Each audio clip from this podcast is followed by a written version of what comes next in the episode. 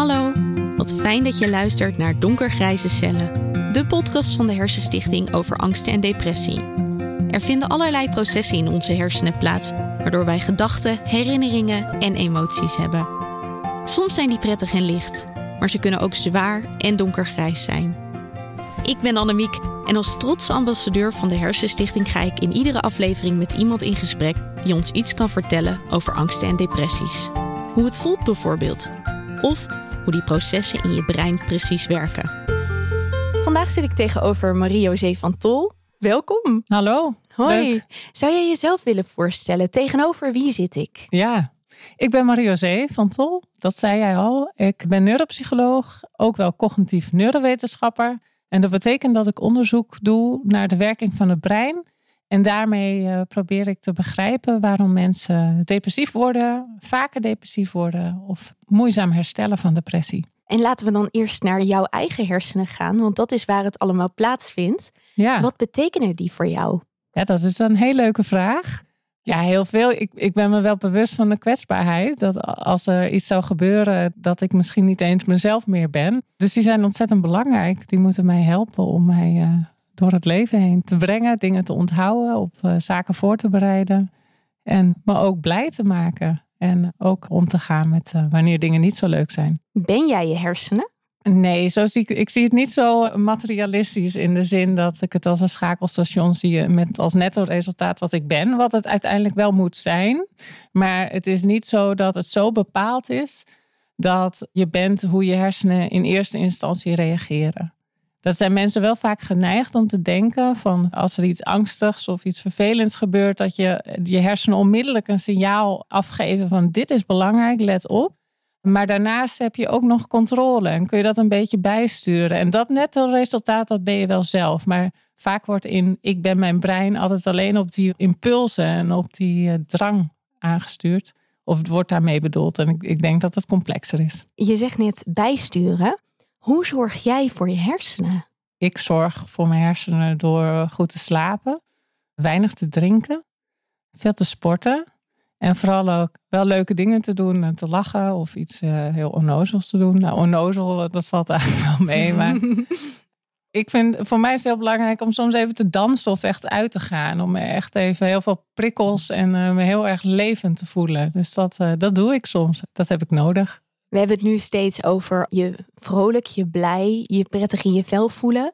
Maar er zijn natuurlijk mensen die dat niet ervaren. Kun jij uitleggen wat depressie precies is? Ja, wat we nog steeds denken is dat bij mensen met een depressie die dus aanhouden zich somber of verdrietig of leeg voelen en daar eigenlijk ook nou ja, niet zo goed uitkomen, of mensen die helemaal geen plezier beleven, dat wel die eerste verwerking van informatie, bijvoorbeeld uit je lichaam, je voelt je niet zo lekker, je hebt wat last van je buik of iemand kijkt een beetje nijdig naar je, dat je die prikkels heel sterk verwerkt. Dat je hersenen eigenlijk, of de, de hersengebieden die daar verantwoordelijk voor zijn, niet zo'n goede poortwachter zijn en al die signalen ook maar doorlaten, waardoor je ze moet verwerken. Terwijl de, de functie van het aansturen en het bijsturen niet optimaal werkt. En daardoor krijgen die eerste negatieve prikkels bij mensen die gevoelig zijn voor depressie en voor angst wat voorrang. En overheersen dan ook hoe je je voelt. Hoe kan dat? Is er iets waardoor het komt dat dat allemaal niet werkt zoals het zou moeten? Nou, het is niet dat we iemand bijvoorbeeld in een scanner kunnen leggen en zien, oh, die is depressief, want daar en daar gaat het mis. Uh, maar wat we uh, lijken te zien op basis van heel veel onderzoek, is dat die gebieden die zo'n eerste signaal moeten verwerken en moeten zeggen, dit is relevant voor jou, let op. Dat die wat uh, gevoelig afgesteld staan, wat, wat scherper, sneller reageren. Terwijl de frontale schors, dus voor in ons hoofd gelegen, achter ons voorhoofd, dat die wat minder goed reageert, maar misschien ook niet zo goed aangezet wordt. Dus het gaat ook over de verbinding tussen die frontale hersenschors en de gebieden die zo belangrijk zijn voor de eerste emotionele verwerking. En we denken dat omdat die niet zo goed communiceren, dat er zo'n onevenwichtige situatie is waarbij die negatieve prikkels dominant zijn en de, de boventoon voeren. Is dat dan biologisch bepaald of komt dat voort uit bij externe invloeden? Dat biologisch bepaald is natuurlijk op zich al een heel lastig begrip. We zien dat bijvoorbeeld mensen die vroeger in hun leven veel negatieve dingen, bijvoorbeeld kindermishandeling of heel erg gepest of genegeerd zijn, dat die ook uh, in de structuur van het brein, dus hoe bepaalde hersengebieden eruit zien, dat het al iets anders is, waardoor je mogelijk ook minder capaciteit hebt of vermogen om die bijsturing ook uit te voeren. Uh, dus in die zin is het dan de omgeving die biologie eigenlijk vormgeeft, waardoor dat zou kunnen komen. Maar het kan ook heel goed zijn dat het langdurig somber zijn of dat je erin raakt, maakt dat die koppeling ook wat minder wordt over tijd. Dus dat je die aansturing ook wat verliest. En dat is ook waar we onderzoek naar doen. Dus als je langer depressief bent, is dat op zich dan ook, laat dat zijn sporen na in het brein? Of is het eigenlijk al vooraf bepaald hoe lang en hoe vaak je depressief zal zijn? Dat weten we nog niet. Zijn er dingen die jij de afgelopen jaren tijdens je onderzoek gevonden hebt waarvan je zegt: Oh ja, dit is hoopvol om uiteindelijk echt iets te kunnen doen aan depressiviteit?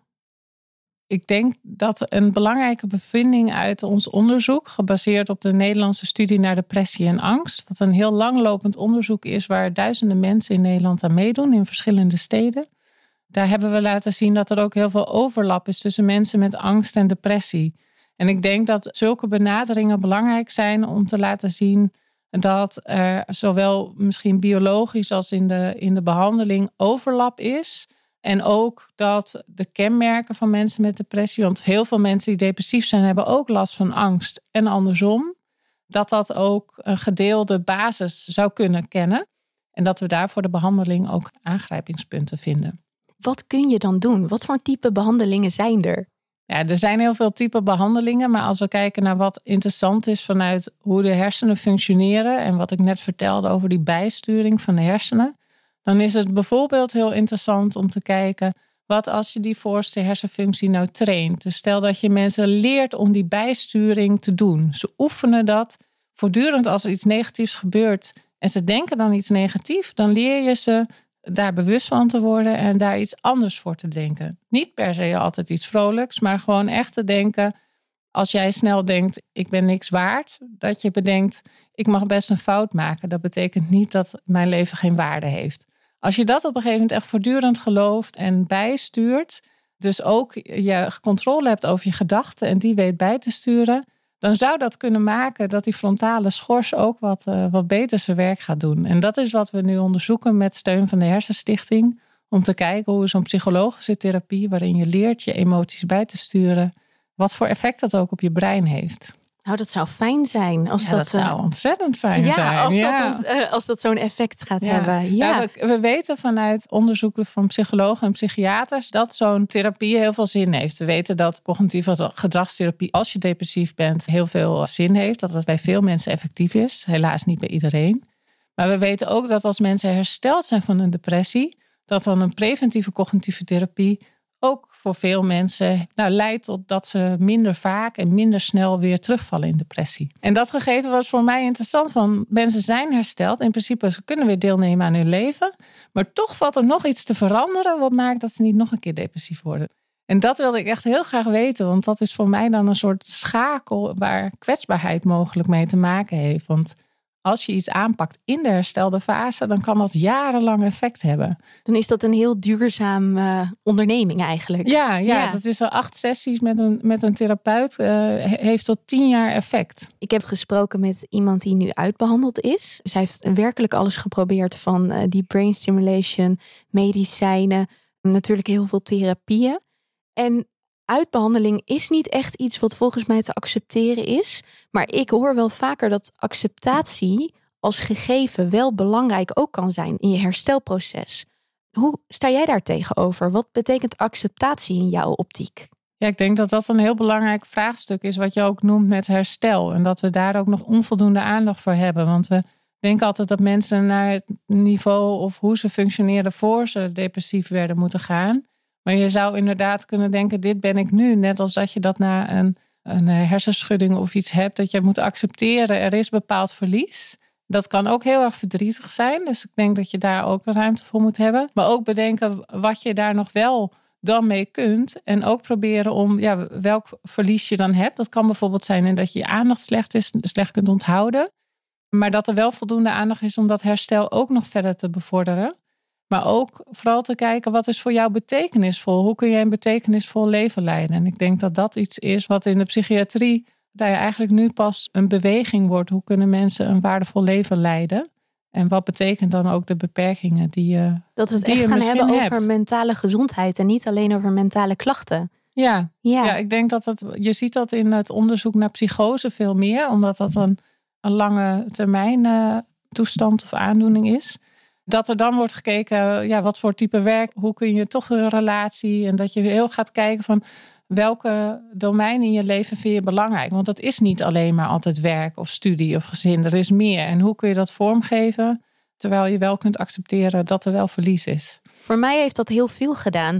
Uh, even voor de luisteraar, wij zitten nu uh, in Groningen, waar ik ook gestudeerd heb.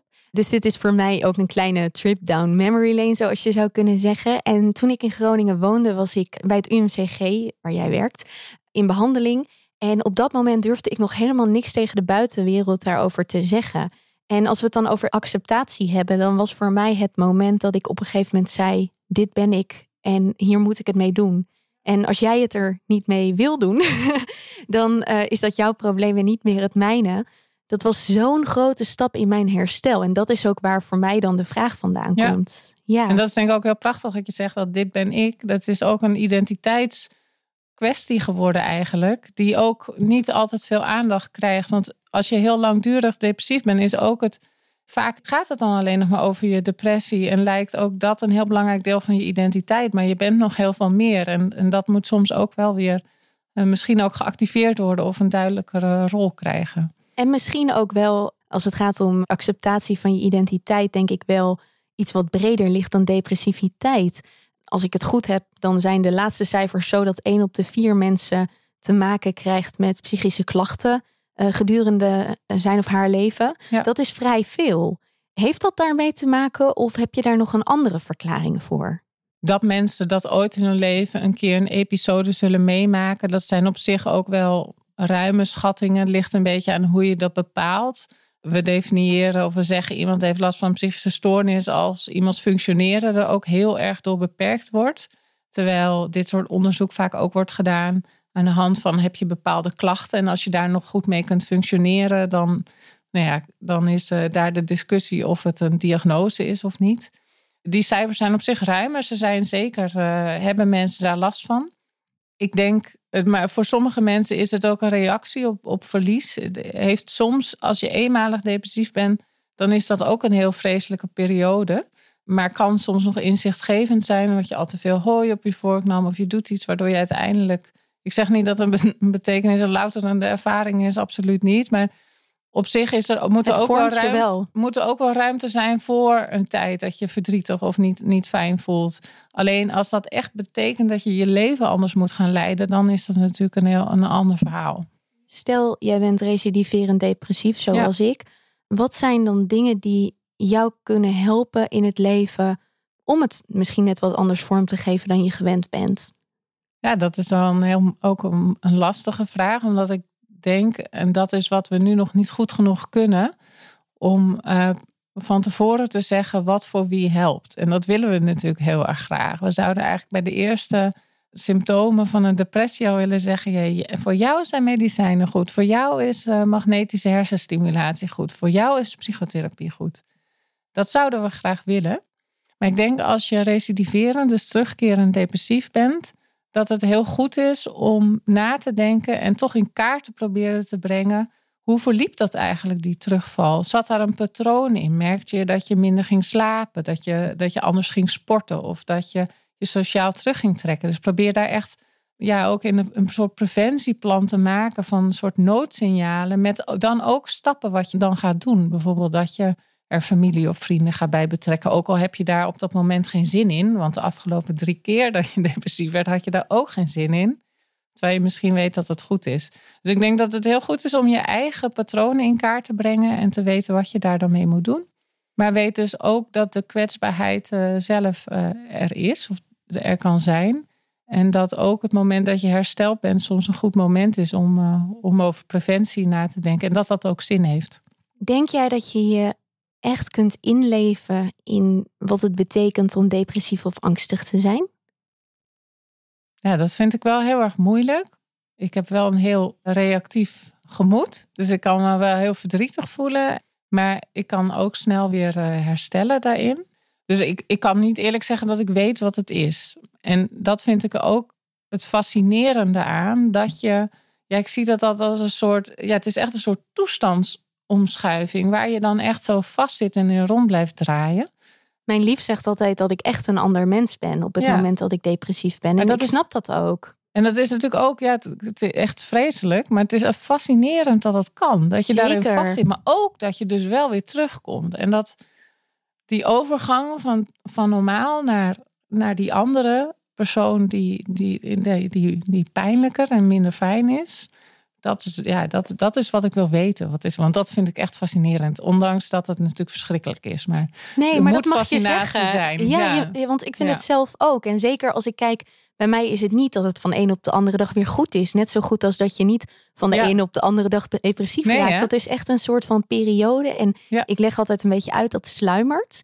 En ik merk dan op een gegeven moment dat ik weer van dingen ga genieten langzaam. En dat ik weer veel meer dingen kan gaan doen en meer energie krijg. En een soort beginnetje weer gevonden ja, hebben. Precies. En ik vind het altijd, dus ik noem het ook echt een soort van bevrijding op het moment dat je er dat je weer depressievrij aan het raken bent. Want het is echt iets alsof iets bijna je lichaam verlaat. Ja, of ja, zo. Ja, zo vertelt eigenlijk echt kippenvel van. Want ik wel echt, ja, dat kan me zo goed. Kan me wel echt heel goed voorstellen dat je denkt dat je daar weer wat grip op krijgt en, en dat, dat daar wel weer een, een uitgang is. Ja, dat gun je echt iedereen met depressie. Maar ik vind het zo, ja, het lijkt me heel erg lastig om heel lang mee te zitten, omdat ik het voor mezelf heel frustrerend zou vinden dat ik dat beginnetje niet zou kunnen vinden. Maar er zijn natuurlijk ook mensen die naast iemand staan die depressief is. Heb jij daar bepaalde tips voor? Zijn er dingen die jij kunt meegeven van het is een hele zware tijd die je ervaart? Probeer dit of dit te denken of probeer dat of dat te doen. Het is natuurlijk te hopen dat je daar wel ook over kunt hebben als die depressie, is, waar we het net over identiteit hebben, omdat niet is het denk ik ook voor iemand die depressief is fijn als die depressie niet vereenzelvigd wordt met je geliefde. Maar dat je dat echt ziet van dit ben jij en jij hebt wel het last van depressie. En ik vind dat als partner ook moeilijk om mee om te gaan met die depressie. En ik vind het fijn als jij ook met die depressie op die manier omgaat. Het is natuurlijk fijn als je daar een gesprek over kunt hebben, kan ik me voorstellen. Maar dat je ook wel probeert om te zeggen, nu vind ik het voor mezelf of voor mijn eigen welzijn ook wel belangrijk om even te sporten, goed te eten of iets met vrienden te doen. Dus ik denk dat het belangrijk is dat je zelf ook zorgt dat je de draagkracht houdt om het inlevingsvermogen te kunnen tonen. Grenzen aangeven. Dat kan ik me ook voorstellen, dat je er ook niet, ja, als je echt met iemand leeft, dan kan ik me voorstellen dat je onderdeel van het systeem ook wordt. Dat je iets doet wat dat maakt. Dus ja, ik kan me voorstellen dat, dat als, dat, als je denkt dat dat een rol speelt, dat het ook goed is om misschien samen of eens mee te gaan naar een therapeut en te kijken hoe je, hoe je daar het beste. En dat je dat ook echt met iemand erbij kunt bespreken. Hoe wil je eigenlijk dat ik met, met, uh, met jou omga? Maar ook dat er voldoende aandacht is voor de partner, hoe uh, er omgegaan moet worden. En ik denk dat het ook wel, dus ik zit natuurlijk in mijn onderzoek nu heel erg aan het voorkomen of aan de preventiekant. Ik kan me ook voorstellen dat je af kunt spreken wanneer er bepaalde signalen zijn die je omgeving al eerder ziet. Dat je ook samen afspreekt, dat mag jij dan zeggen. En dan spreken we af dat ik ook dat ga doen. Want ik kan me voorstellen als je eenmaal in een depressie zit en geen motivatie meer hebt en heel moe bent, dat het allemaal een enorme opgave is. Maar dat je dan soort terug kan grijpen op eerdere afspraken. Klinkt natuurlijk ontzettend makkelijk. En dat geeft ook een soort illusie van controle die, die er misschien helemaal niet is hoor. Dat in die zin. We gaan naar de estafettevraag. Ja. Ik heb voor jou heb ik Marelle Wagenmakers geïnterviewd. En Marelle die heeft een partner die depressief is. En zij zegt... Ik zit te denken, Roland gaat dan ook meedoen aan een tv-programma. Dat ook gaat over depressie. En dan denk ik, zal dat hem niet te veel triggeren. Omdat hij uh, dan misschien te veel bezig is met zijn depressie. Ook als je je goed voelt.